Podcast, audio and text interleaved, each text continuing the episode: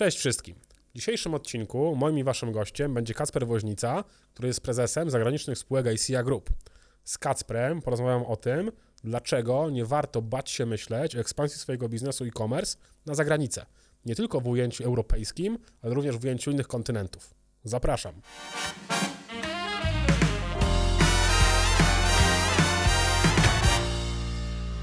Cześć Kacper. Cześć Wojtek. Bardzo miło mi Cię gościć w naszym studiu.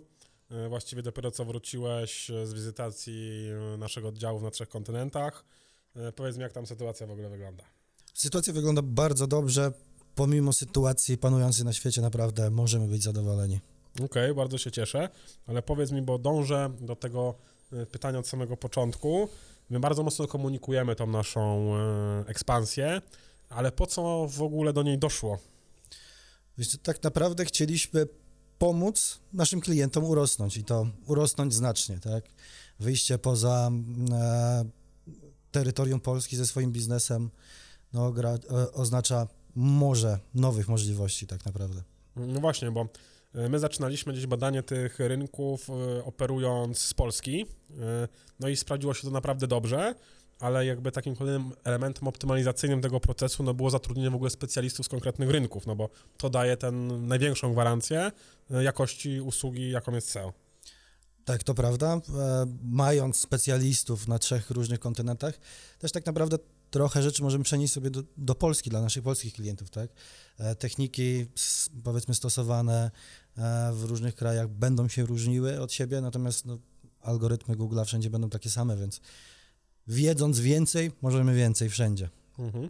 A powiedz mi, jaki jest taki najczęstszy sc- scenariusz, z którym się spotykasz, no bo my rozpoczęliśmy tą naszą ekspansję, żeby pomóc w ekspansji naszych klientów z Polski za granicę, no ale teraz to nabrało już też znacznie większego rozpędu, no bo operując na tylu rynkach, e, no ci klienci bardzo często pytają, ok, a może skoro teraz jestem w Stanach, chciałbym sprzedać w Europie, tak? E, Jak możecie mi w tym pomóc i, i tak dalej.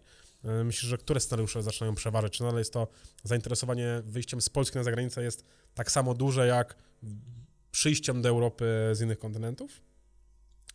E, Myślę, że tak. Będzie to e, stosunek byłby podobny. Wiadomo, że jeżeli bierzemy po, po, jako przykład Stany Zjednoczone, no to tam cała masa je, jest zdecydowanie większa, więc nie porównywałbym tego jeden do jeden, ale tak byłoby to zbliżone. Wiadomo, że my, jako że wywodzimy się z Polski, więcej do czynienia mamy z klientami naszymi, którym pomożemy gdzieś wypchnąć się za, tu, za granicę. Mm, Ale no, najlepszym dowodem na to, że jesteśmy w tym dobrzy, jest to, że e, w tym momencie działamy i pozyskujemy klientów natywnie, tak, w tych innych krajach i ci klienci ufa, ufają nam, nasze działania sprawdzają się tam świetnie, więc to myślę, że to jest taki najlepszy proof na to, że jak dobrze to działa. Mhm, faktycznie, to też chyba pokazuje, że ta decyzja o zatrudnieniu specjalistów z tych rynków faktycznie no, była tym strzałem w dziesiątkę, yy, no bo oni znają lepiej realia, tak? Najłatwiej jest nawiązać kontakty biznesowe, pozyskanie linków, znalezienie dobrych copywriterów, faktycznie komuś, kto operuje na tym rynku, pracuje tam i tam budował swoją karierę jako specjalista, na pewno łatwiej mu dotrzeć do różnych e, fajnych zasobów, które potem pomogą naszym klientom e, w zdecydowanym wzroście. E, Ale przejdźmy może teraz na stronę właśnie klienta docelowego, czyli właściciela e-commerce'u po co on w ogóle ma mm, myśleć o ekspansji? Z biznesowego punktu widzenia, wychodząc z Polski, otwiera nam się morze nowych możliwości, morze nowych klientów, e, czysty zarobek. Czysty zarobek, no właśnie, ale mm, o, czy możemy mówić o jakichś konkretnych kwotach, czy to zależy od branży, zależy pewnie też od kraju? Zależy od branży, zależy od kraju. Hmm, powiedzmy, możemy na to spojrzeć z dwóch perspektyw. Pierwsza perspektywa będzie taka, że będzie bardzo duża ilość krajów, w których będziemy mogli pozwolić sobie na zdecydowanie większą marżowość niż w Polsce, bo tak to naturalnie będzie wyglądało. Nie musimy patrzeć daleko, tak? Niemcy, m, e, Skandynawia, chociażby tutaj to nasz, nasze podwórko europejskie. E, drugim powodem, dla którego możemy chcieć tam się pojawić, będzie to, że mamy zdecydowanie większą bazę klientów, tak? Zdecydowanie większe rynki, zdecydowanie e, większa liczba ludności.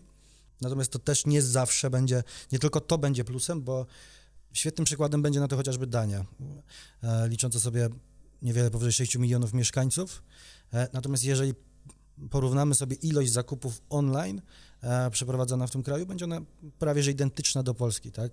gdzie tych ludzi mamy prawie 40 milionów, Mhm. więc opcji jest bardzo dużo. No tak, no prawda, bo jakby pols, polski konsument edukuje się w tym, żeby faktycznie kupować online. E, no myślę, że w wielu krajach e, ta edukacja już jest dawno, dawno zakończona i się do tego przyzwyczaili, przywykli do tego. U nas bardzo mocno pandemia pewnie pomogła, pobudziła ten rynek. No tam jeszcze przed pandemią już było duże bardzo zapotrzebowanie na tego typu usługę. Tak, ale pandemia wszędzie spowodowała O, jeszcze przyrost tego ruchu, tak, w e-commerce'ach.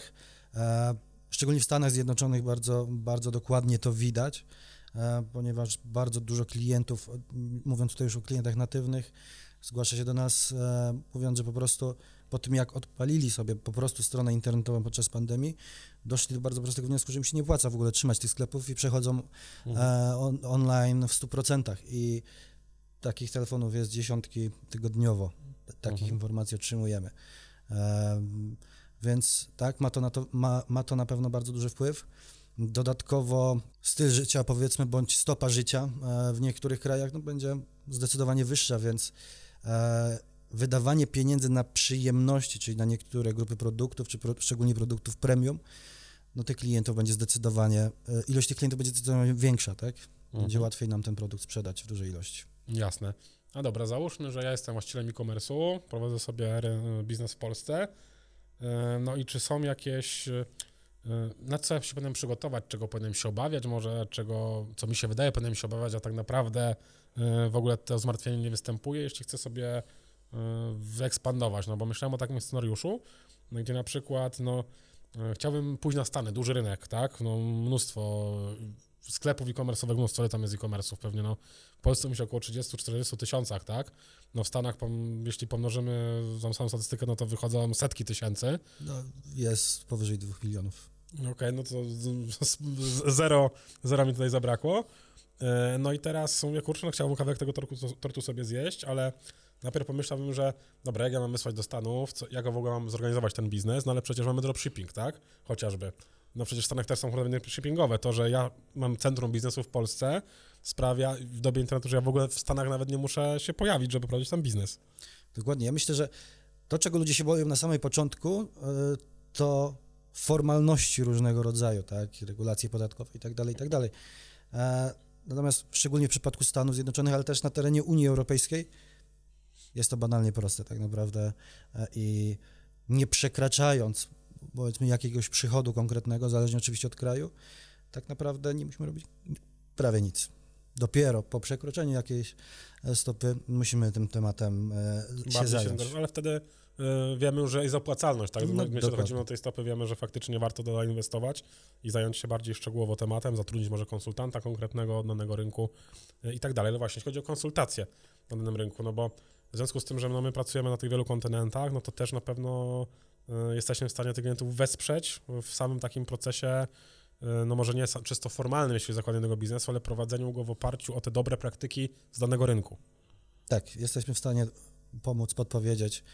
E, Dodatkowo sieć partnerska, którą mamy rozbudowaną bardzo mocno w Polsce, działa również e, za granicą. Mamy partnerów, którzy są w stanie pomóc w, te, w tego typu sprawach, więc na pewno będziemy w stanie skierować do dobrych osób i wskazać wszystkie problemy, które mogą wystąpić em, podczas takiej ekspansji, więc tutaj Okej, a powiedz mi, czy klienci, którzy się pojawiają, e, to oni przychodzą i mówią, e, dobra, panie Kacprze, ja bym chciał ten i ten rynek i są już zdecydowani na konkretne rynki, czy raczej są to sytuacje, w których chciałbym, ale nie wiem gdzie, czy w ogóle warto? zdarzają się i tacy, i tacy. Em, Są klienci, którzy są już zdecydowani, którzy mają zrobioną analizę rynku i tak dalej, i tak dalej. Ale natomiast, natomiast przychodzą do nas też klienci, którzy po prostu są na etapie myślenia, czy to im się opłaci. Mhm. E, Częstym przykładem jest na przykład e, parę produktów sprzedało mi się w Czechach, bo często ten ruch z Czech e, trafia gdzieś tam na polskie e-commerce. Nawet fajnie to wyszło, a może bym spróbował założyć czeską wersję strony internetowej i tak dalej, i tak dalej. Mhm. Co bym musiał zrobić, jak by mogło to wyglądać, czy jesteście w stanie podać mi jakieś liczby. E, jesteśmy, tak? Robimy, tak, przeprowadzamy z takim klientem taką samą konsultację, jak przeprowadzilibyśmy z, z klientem polskim, gdzie będziemy w stanie pokazać liczby wyszukań, jak e, ludzie reagują na różne słowa kluczowe i tak dalej, tak dalej. Kwestie techniczne będą w 99% takie same, bądź bardzo podobne. E, więc tak. No tak, no bo faktycznie warto skupić też na tych słowach kluczowych, e, no bo y, ważne jest chyba też to, że czasami trzeba zastopować klienta, gdzie faktycznie no my już na poziomie tej analizy wstępnej w ogóle rynku, jego asortymentu możemy stwierdzić, kurczę, to się może nie opłacić, bo jest dużo takich branż, gdzie na przykład marki, zwłaszcza odzieżowe, marki, które są bardzo popularne w Polsce, w Europie Wschodniej, no sprzedają się bardzo słabo na zachodzie na przykład. To tak chociażby z butami, gdzie u nas nadal jednak króluje, mam wrażenie, Nike, Adidas, takie no, globalne marki gdzieś sportowe i casualowe.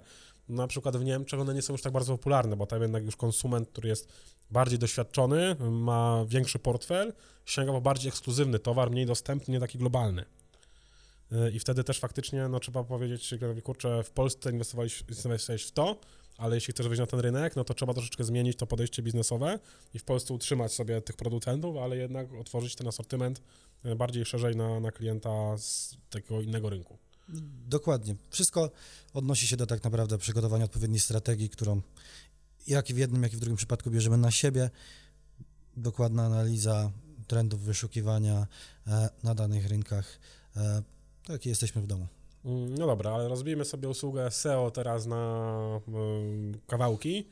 Y, no ja na przykład mam ten e-commerce w Polsce, y, no i piszę sobie teksty na ten e-commerce, ok, no ale jak mam teraz napisać tekst po czesku, angielsku, po nie wiem, po hindusku, po w dialekcie amerykańskim jeszcze na konkretny rynek, bo przecież jeśli na przykład sprzedał w Teksasie czy w Oregonie, to też warto troszeczkę inaczej użyć tego języka, niż jak będę na północy czy gdzieś w Kanadzie. Co w takiej sytuacji? E, zgadza się. Wiesz co, często klienci myślą, że wystarczy przetłumaczenie treści, które już mają po polsku, tak, na stronie e, wykonane. No, nie zawsze się to sprawdza, w sensie jest to lepsze niż niezrobienie tego, jeżeli mhm. klient chce działać na własną rękę. Natomiast musimy pamiętać o tym, że chociażby w przypadku tekstu, jak, jak i, i reszty spraw, e, bardzo ważne będzie to, co dzieje się na danym rynku, trend i analiza konkurentów konkretnych. W przypadku treści, powiedzmy, e, mamy jedno słowo kluczowe. Przeanalizujemy sobie wyniki e, w, w polskich wynikach wyszukiwania. Wyjdzie nam, że potrzebujemy około 3000 znaków tekstu. Natomiast ta sama analiza w Niemczech już pokaże nam, że potrzebujemy 1500 tych znak, znaków mhm. tego tekstu, tak? Jest zupełnie, no będą się po prostu te rynki różniły. Jeżeli przetłumaczyliśmy, przetłumaczylibyśmy sobie zbyt długie e, treści, na przykład na rynek niemiecki, e, mogłoby się okazać, że zostaniemy uznani przez e, algorytm jako spamer, tak? Mhm. Że spam, spamujemy treścią, ponieważ mamy jej pięć razy więcej niż. Tak, a nie jest to w ogóle potrzebne. Bo dokładnie. I to generuje dodatkowe koszty. Dokładnie. No koszty, no i też nie daje potem oczekiwanego efektu finalnie. No faktycznie, bo mówimy tutaj o treściach, ale też one się ogólnie do trendów na danym rynku, bo mm, problematyczne byłoby na początku na pewno, e, moment, kiedy wchodzimy na inny rynek, no i my teraz wiemy, tak, że w Polsce, no to na walentynki, no walentynki są globalne, tak, ale mamy Dzień Matki, mamy konkretne święta i tak dalej, no chociażby pod tym kątem wiemy, że trzeba się przygotować z góry, no za granicą jest zgoła inaczej, tak, no bo jeśli mówimy chociażby o jakichś rynkach dużych typu jak amerykański, no to tam są nie tylko święta takie klasyczne, jak mamy święta kościelne, ale tam są też kultury z całego świata. E, i wiadomo, tam już tych świąt jest znacznie więcej, trzeba te trendy znać, no i dla kogoś, kto nie operuje na tym rynku na natywnych klientach, no może mieć olbrzymi problem, żeby e, już od razu poznać te wszystkie elementy. Wiadomo, trzeba się nauczyć tego przez ileś lat.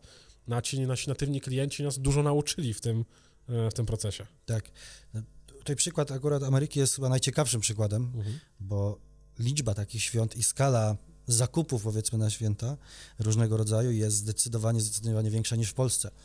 Okay, walentynki, Boże Narodzenie, tego typu rzeczy, ale pamiętaj, zapamiętajmy o Black Friday na przykład, które mhm. Jest obowiązkiem. Jeżeli jesteś mhm. e-commerce w Stanach, bądź cokolwiek robisz w Stanach, Black Friday. Mhm. No u nas też się to pojawia, ale u nas to jest na znacznie mniejszej skali, nie ma co tak. oszukiwać. No to jeszcze mają święta dziękczynienia, tak, gdzie też są jakieś mm. prezentowania. No one akurat się łączą z Black Friday jakby, mm. bo mm. Black Friday występuje zawsze po tak. święcie dziękczynienia, no. ale no tak, to jest Tak, racja. chociażby same nawet terminy wręczania prezentów na Boże Narodzenie sami, no tam odpakowuje się rano, więc też termin zakupu jest przesunięty o parę dni, więc promocja też musi trwać troszeczkę inaczej. E, to są właśnie te rzeczy, gdzie mm, E, no my nauczyliśmy się tego od naszych klientów natywnych, w jaki sposób operować na tych rynkach i dzięki temu jesteśmy w stanie przenieść to e, faktycznie na naszych klientów, którzy tam ekspandują. Dokładnie. Jak najbardziej. Jakie jeszcze elementy mógłbyś wskazać jako te elementy, które mogą dać e-commerce'owi fajną przewagę, a których może właściciele e-commerce'ów boją się e, ekspandując, a nie powinni, bo tak naprawdę jest to taki, powiedzieliśmy sobie chociażby o kwestiach formalnych, gdzie pewnie ja sam mam, się tego obawiam, mówię, kurczę, teraz rozliczyć księgowość, gdzie się zgłosić tam do urzędów, jak to w ogóle uruchomić, E, no to jest jedna taka rzecz, o której już wspomniałeś, a są jeszcze inne takie rzeczy, które faktycznie mogą sprawiać, że jest to niepewne i takie zbyt czasochłonne, pracochłonne, a tak naprawdę jest łatwe do załatwienia. Wiesz co, najważniejsze będzie to, o czym wspomnieliśmy wcześniej. Będzie sporo takich małych szczegółów, ale one nie będą chyba nigdy przeważały aż tak mocno. Są pewne różnice w odbiorze stron na różnych rynkach, tak? Czyli rzeczy, które będą modne, na przykład w Polsce, Mhm. no już w Chinach nie przejdą, tak? Mhm. E, wiadomo, ten klient, e, sposób odbioru strony przez klienta będzie trochę inny e, na każdym rynku. Ciekawostką jest na przykład, że większość ludzi myśli, że strony w Stanach muszą być super, świetne, e, utrzymać się w, w najnowszych trendach, co jest w ogóle, to nie jest prawdą, tak? 80% stron e, na rynku amerykańskim, szczególnie e-commerce'ów są strasznie archaiczne, bym powiedział, tak? Czyli to są gdzieś może takie błędy rzeczywiście. Bo Myślenie, że będę musiał strasznie doinwestować Mhm. PR-owo do tej strony, tak, zmienić wygląd i tak dalej. No niekoniecznie tam e, jest to na zdecydowanie niższym poziomie niż moglibyśmy sobie założyć. Okej, czyli w tym wielgachnym torcie no, jest y, dużo miejsc, gdzie możemy, gdzie możemy się wstrzelić niedużym tak naprawdę nakładami. Dokładnie. Nawet w przypadku takich fraz bardzo niszowych, bardzo nietypowych, gdzie w, w Polsce przyglądali, e, liczylibyśmy na liczbę powiedzmy gdzieś w okolicach maksymalnie 100 wizyt miesięcznie. W Stanach Zjednoczonych tego typu frazy będą generować około, mogą generować na około 20 tysięcy wejść miesięcznie, tak? Mhm. Em, rynek jest inny, jesteśmy, tam jesteśmy w stanie sprzedać wszystko. No właśnie, sprzedać wszystko, to jest e, ciekawe, bo e, tamte trendy się bardzo dynamicznie zmieniają, zainteresowanie produktem się zmienia dynamicznie.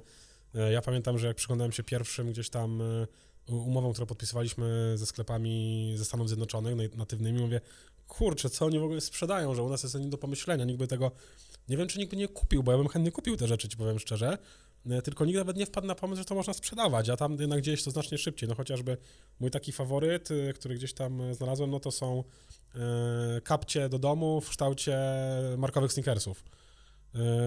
Kurczę, no keyword research w Polsce był pod to ciężki, no tam było to, to bardzo proste, bo jest no to po prostu określenie już gdzieś w kulturze, które to określa. E, No i faktycznie można sprzedać tam bardzo dużo rzeczy i można czerpać bardzo dużo inspiracji, żeby szybko reagować. Dokładnie. I jeszcze przypomnę Ci, że cena jednej pary kapci była około 70 dolarów. Wyobraź Tak, sobie, że dokładnie. w Polsce sprzedasz to za 200, ponad 200 zł. Tak, dokładnie. To normalna para butów e, tyle u nas kosztuje, a tam jest to po prostu tak zwany bambosz, e, w zależności od regionu Polski, no ale u mnie w domu się bambosza na to mówiło. E, Także ja bym to chętnie, chętnie kupił i to cały czas się zastanawiam, gdyby nie ta cena faktycznie, to, to faktycznie bym, bym się mocno zastanowił. No jeszcze trzeba to do Polski sprowadzić, więc są dodatkowe koszty, no a tam musimy myśleć o kliencie lokalnym, któremu sprzedajemy zdecydowanie lokalnie. Mm, No dobra, ale mówiliśmy sobie, mm, mówimy o ekspansji teraz tych klientów. Na pewno polecam rynek w Stanach Zjednoczonych, bo on tak naprawdę nie jest taki trudny i skomplikowany. Można w niego wejść nawet będąc w Polsce. Mamy całą Europę, no tutaj y, wydaje się to zdecydowanie prostsze. Unia Europejska daje dużo możliwości. Y, No ale co z kierunkami wschodnimi, daleko wschodnimi, blisko wschodnimi, cały wschód? E, Wiesz co, bardzo ciekawym rynkiem, o czym pewnie, co, o czym pewnie wszyscy wiemy, e, jest, są teraz Emiraty Arabskie, tak? Dodatkową ciekawostką w przypadku Emiratów Arabskich jest to, że Dubaj e, jakby otworzył się dla biznesu całkowicie e, od 1 czerwca. Co to oznacza, że otworzył się Mhm. dla biznesu? Wcze- Wcześniej, żeby otworzyć biznes w Dubaju, potrzebowałeś e, natywnego udziałowca, który musiał posiadać minimum 51% udziałów w tej firmie, czyli sam nie byłeś w stanie zrobić niczego. Od 1 czerwca możemy mieć 100% udziału. Kwestia formalności załatwienia e, wszystkich spraw banalnie prosta e, i jest to też swego rodzaju raj podatkowy. Mm, więc koszty związane z prowadzeniem tej działalności, podatki i tak dalej są naprawdę, naprawdę niskie. No to prawda, poza tym y, z tego co wiem, to Emiraty, jeśli chodzi o usługi IT, no bardzo mocno outsourcują na Indię, tak? Tak. Właściwie, no nie chciałem tu rzucać procentami, bo podejrzewam, że jest to no pewnie w okolicach 90 paru procent y, outsourcingu. Y, No i faktycznie specjaliści w Indiach, z którymi też współpracujemy, no mamy też tam przecież swój oddział pod New Delhi w Gurgaon, przecież no technologiczna, można powiedzieć, taka, mm, może nie stolica, no ale taka Dolina Krzemowa troszeczkę y, indyjska, gdzie my też jesteśmy obecni. No faktycznie ci ludzie doskonale znają już ten rynek y, Emiratów Arabskich, no bo cały czas pracują na rzecz y, tych przedsiębiorców. Dokładnie. E, ogólnie Indie, powiedzmy, czy pracownicy z Indii, specjaliści techniczni z Indii, e, nie tylko na tym rynku są jakby kojarzeni. E, Mhm. w Stanach SEO również kojarzy się z tym, ze specjalistą, Mhm. który będzie e, pochodził z Indii. Australia, jeśli chodzi o usługi SEO, 90% to jest Mhm. outsourcing do Indii. E, w sensie ta kultura BPO, która Mhm. e, która tam się rządzi, no jest widoczna wszędzie na całym świecie. Nie tak, nie tak mocno w Polsce może, ale jeśli chodzi o cały anglojęzyczny, powiedzmy świat, to, Mhm. to tak. Tak, no mi się też wydaje, że w Polsce w ogóle e, specjalista z Indii nie kojarzy się najlepiej, dlatego że polskie firmy, szukając e, tych specjalistów, nie szukają specjalistów naprawdę, tylko szukają redukcji kosztów. E, Tak. No ale nie ma się co oszukiwać, jeśli no, mamy dobrego specjalistę IT w Polsce, a postaramy się ograniczyć koszty i zatrudnić kogoś za jedną czwartą jego wynagrodzenia, no to nie trafimy na równie dobrego specjalisty, bo będzie specjalista ze swojej gorszej, gorszej klasy, no i wiele osób, wrażenie, na tej podstawie buduje ten, ten wizerunek tego specjalisty, E, a przecież no, specjaliści z Indii no, zasiadają prawda, w znacznych największych firm na świecie, chociażby Google, e, tak, którym, w którym pracujemy, no, w- teraz głównodowodzącym tam jest przecież też, też Hindus, także doświadczenie jest bardzo duże z całego właściwie anglojęzycznego świata, tak jak powiedziałeś, no i warto z, tych, z tej wiedzy czerpać. No dokładnie, tak jak mówisz, w sensie ten stereotyp indyjski, też nie możemy powiedzieć tak, że to on nie jest prawdziwy, tak? Bo on Mhm. jest prawdziwy, ale mm, jeśli chodzi o same Indie jako rynek, możesz mieć dwa podejścia. Albo chcesz mieć szybko i tanio, czyli robić typowy outsourcing, tak, swoich usług najtaniej jak się da, to musisz się liczyć z tym, że trafisz do, trafiasz do firm, w których pracują tysiące osób, e, jest, rotacja jest ogromna, koszt takiego pracownika, e, jednego etatu tam, tak, bo tam wynajmujemy sobie etat, to będzie 1000 dolarów miesięcznie. Się liczyć z tym, że ten pracownik dostanie z tego dolarów 400, Mhm. 600 trafi do spółki em, i tak dalej, i tak dalej. Rotacja to nie będzie najlepsza usługa na świecie, jaką możesz sobie, e, że tak powiem, załatwić, szczególnie jeśli jesteś małą firmą. Jeżeli jesteś gigantem, e, tak, typu chociażby Google, którego sobie porównujemy, ale Pepsi, tak, która ma Mhm. e, swoje biurowce niedaleko nas, Microsoft czy inne wielkie firmy, no to, to tak, wtedy możesz sobie na to pozwolić. Natomiast nasze podejście, to co zrobiliśmy my tam, czyli e, było zupełnie inne i było strzałem w dziesiątkę, ponieważ my pojechaliśmy tam, my założyliśmy swoją firmę e, pod naszym brandem ICA e, i my zatrudniamy tam ludzi najlepszych i naprawdę specjaliści, na których my tam trafiamy, no są to specjaliści najwyższego sortu, są to ludzie bardzo pracowici, ludzie, którym można zaufać em, i to był strzał w dziesiątkę. No tak, tym bardziej, że wydaje mi się, że tą przewagą w ogóle na takim rynku, jeśli y, nie outsourcujesz, tylko otwierasz tam tą spółkę, no dużą przewagą w pozyskaniu tych pracowników jest to, że oni, y, tak jak my kojarzymy Indię z outsourcingiem, tak oni kojarzą Europę z jakością. I oni chcą pracować w firmie europejskiej, bo dla nich to jest prestiż pewnego rodzaju przecież. Dokładnie tak. Także to jest ten y, moment, gdzie można naprawdę dobrych specjalistów tam, y, tam złapać, które potem pracują na rzecz naszych klientów i faktycznie tymi doświadczeniami z rynków amerykańskich, australijskich, kanadyjskich, y, swoich lokalnych przecież też, no, są w Tak. stanie się dzielić i faktycznie efektywność usługi jest znacznie wyższa dzięki temu. Wiesz co, tam w Indiach wieść się niesie bardzo szybko, Mhm. e, jeśli chodzi o tego typu sprawy. E, budując gdzieś tam podstawę naszego zespołu i pokazując im, że rzeczywiście to, co mówimy i sposób, w jaki będziemy pracowali jest prawdziwy, za chwilę byliśmy zasypani pytaniami o pracę, tak? My nie mamy problemu w tym momencie, żeby ściągnąć najlepszych specjalistów z BPO typu Personiv, e, Teles czy innych największych, które są na tym, na tym obszarze. To ci ludzie pytają się nas. My mamy ludzi, którzy tam pracowali, Mhm. oni mówią, że u nas jest wygląda to zupełnie inaczej, tak? I ci ludzie zasypują nas naprawdę pytaniami. W tym tygodniu dostaliśmy 219 CV tylko na LinkedIn. Nawet nie szukając Nawet pracowników, to jest właśnie nie. bardzo ciekawe. E, No właśnie, dla mnie też jako, no właściwie osoby, która zajmuje się no, tym procesem SEO-owym, tak, żeby wszystko było dobrze, żeby obsługa była odpowiednia, jakość tej usługi była odpowiednia, dla mnie też jest bardzo ważne, bo ja wiem, jaki duży problem mają firmy na polskim rynku z pozyskaniem pracownika. E, Firm SEO w Polsce jest bardzo dużo, specjalistów nie ma aż tak wielu, znaczy ich było wielu, ale w końcu się wyczerpali. E, Zwłaszcza teraz, kiedy pojawiła się ta pandemia, dużo ludzi otworzyło e-commerce, e, mnóstwo agencji zwiększyło liczbę, które obsługuje, ale no coś jest nie tak w momencie, kiedy agencja zwiększa liczbę umów o 50%, a zwiększa liczbę personelu o 5 albo 10%. No ktoś musi tą jakość utrzymać, no nie jesteśmy, my jesteśmy w stanie automatyzować procesy, ale no nie oszukujmy się, to jest marketing, tutaj jest wymagana kreatywność, jest ten y, element dotyku człowieka bardzo ist- potrzebny, istotny, Y, no i y, mnie to, powiem Ci szczerze, bardzo gdzieś tam y, nie dawało spać po nocy, mówię, kurczę, co my zrobimy, tych umów przypływa, jestem już w stanie rekrutować ludzi, ale za chwilę ci specjaliści się skończą, no i faktycznie otwarcie się na te rynki zagraniczne dało ten oddech, bo ja wiem, że w momencie, że równo z y, klientami, którzy nas przychodzą, ja mogę zapewnić bardzo wysokiej jakości specjalistów, którzy są w stanie na bieżąco to obsługiwać. Y, i nie ma tutaj żadnego problemu właśnie zgrzytu z tą jakością, że trzeba coś troszeczkę uciąć, zamarkować, żeby, żeby coś dla klienta dowieść, no bo markując możemy dowieść gdzieś tam tabelki i tak dalej, ale efektu finalnego, czyli zwrotu z inwestycji, czyli zarobku w sklepie e-commerce'owym przychodu, no nie da się w ten sposób y, markować, tak? No trzeba, za ilością klientów musi iść ilość specjalistów, no i faktycznie otwarcie na te rynki daje tam spokojną głowę, że jesteśmy w stanie cały czas ten poziom jakości dobrze utrzymać. Dokładnie.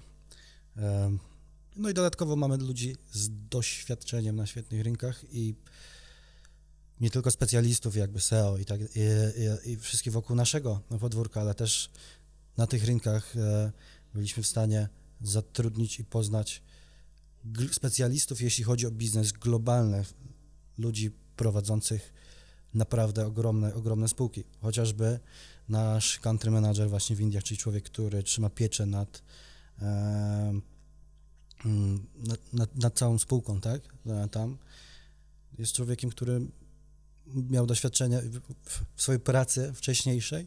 Zaczynał od jednego oddziału, skończył na 400 oddziałach na całym świecie. Tak był w stanie rozprowadzić, że tak powiem, całą firmę, więc e, tego, te doświadczenie możemy zbierać sobie na każdej płaszczyźnie. Mamy dostęp do najlepszych specjalistów. Jeżeli e, stwierdzimy, że chcemy zatrudnić kogoś, kto pracował w Microsoftie na takim takim stanowisku, dzięki temu jesteśmy w stanie taką Tak. osobę znaleźć. I prawda, podobnie jest w aspekcie, ty mówisz o kwestii takiej operacyjnej, jeśli chodzi o tej biura, ja mogę się powiedzieć, chodzi o kwestie, kwestie czysto specjalistyczne w aspekcie SEO.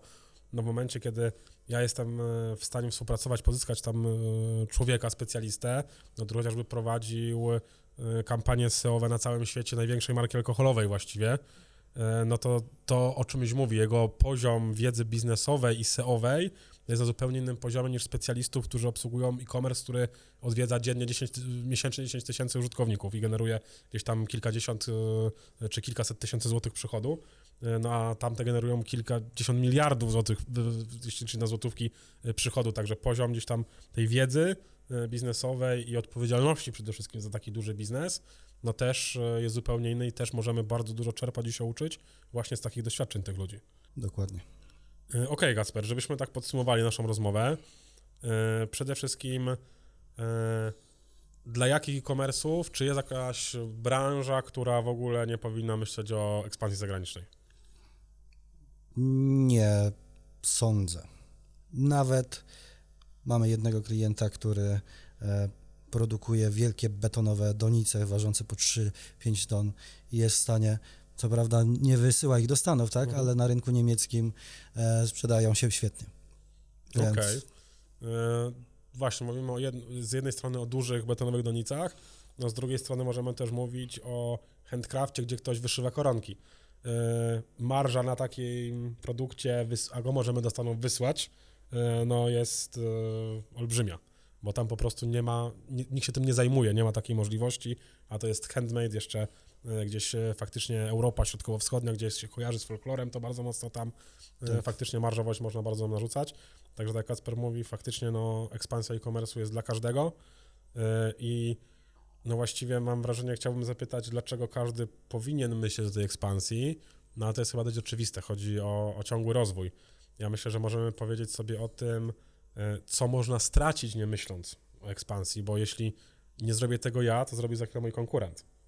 No E, dokładnie. I, I faktycznie lepiej być prekursorem e, i budować tam swoją pozycję, niż potem znowu starać się gonić i gonić tych konkurentów, którzy już dawno tam weszli e, i znowu, znowu są hegemonami i faktycznie znowu walczymy o pozycję drugą, trzecią, bo pierwsza jest zajęta przez Allegra.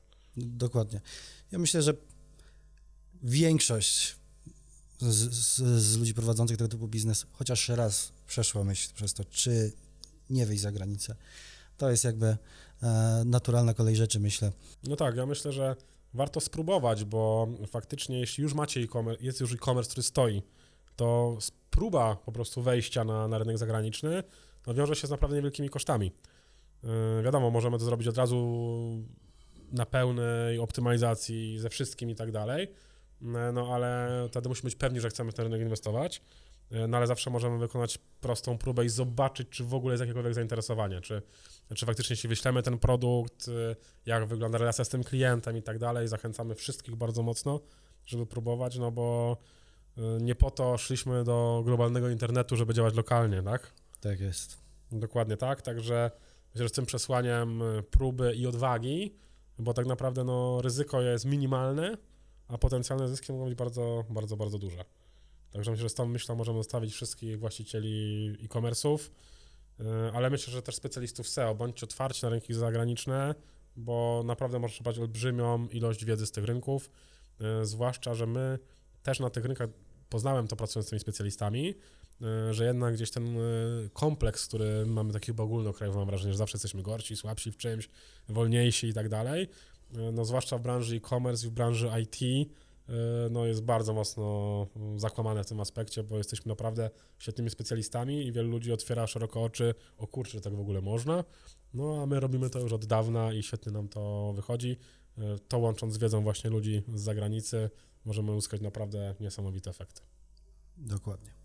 Okej, dzięki wszystkim za wysłuchanie odcinka. Gdybyście mieli więcej pytań do Kacpra dotyczących e, ekspansji, chcielibyście poznać bardziej konkretne liczby, zagadnienia prawne, zagwozdki i problemy, e, ich rozwiązania, no to dawajcie znać w komentarzach. Myślę, że jeszcze Kacpra na pewno uda się złapać kiedyś e, i wtedy na pewno na wszystkie tematy ciekawe odpowie.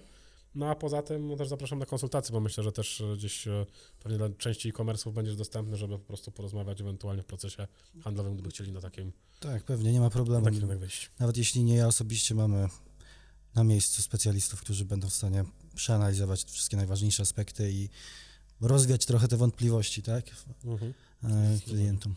Dobra, jeszcze raz dzięki wszystkim za poświęcony czas. Trzymajcie się, do zobaczenia. Cześć. Cześć.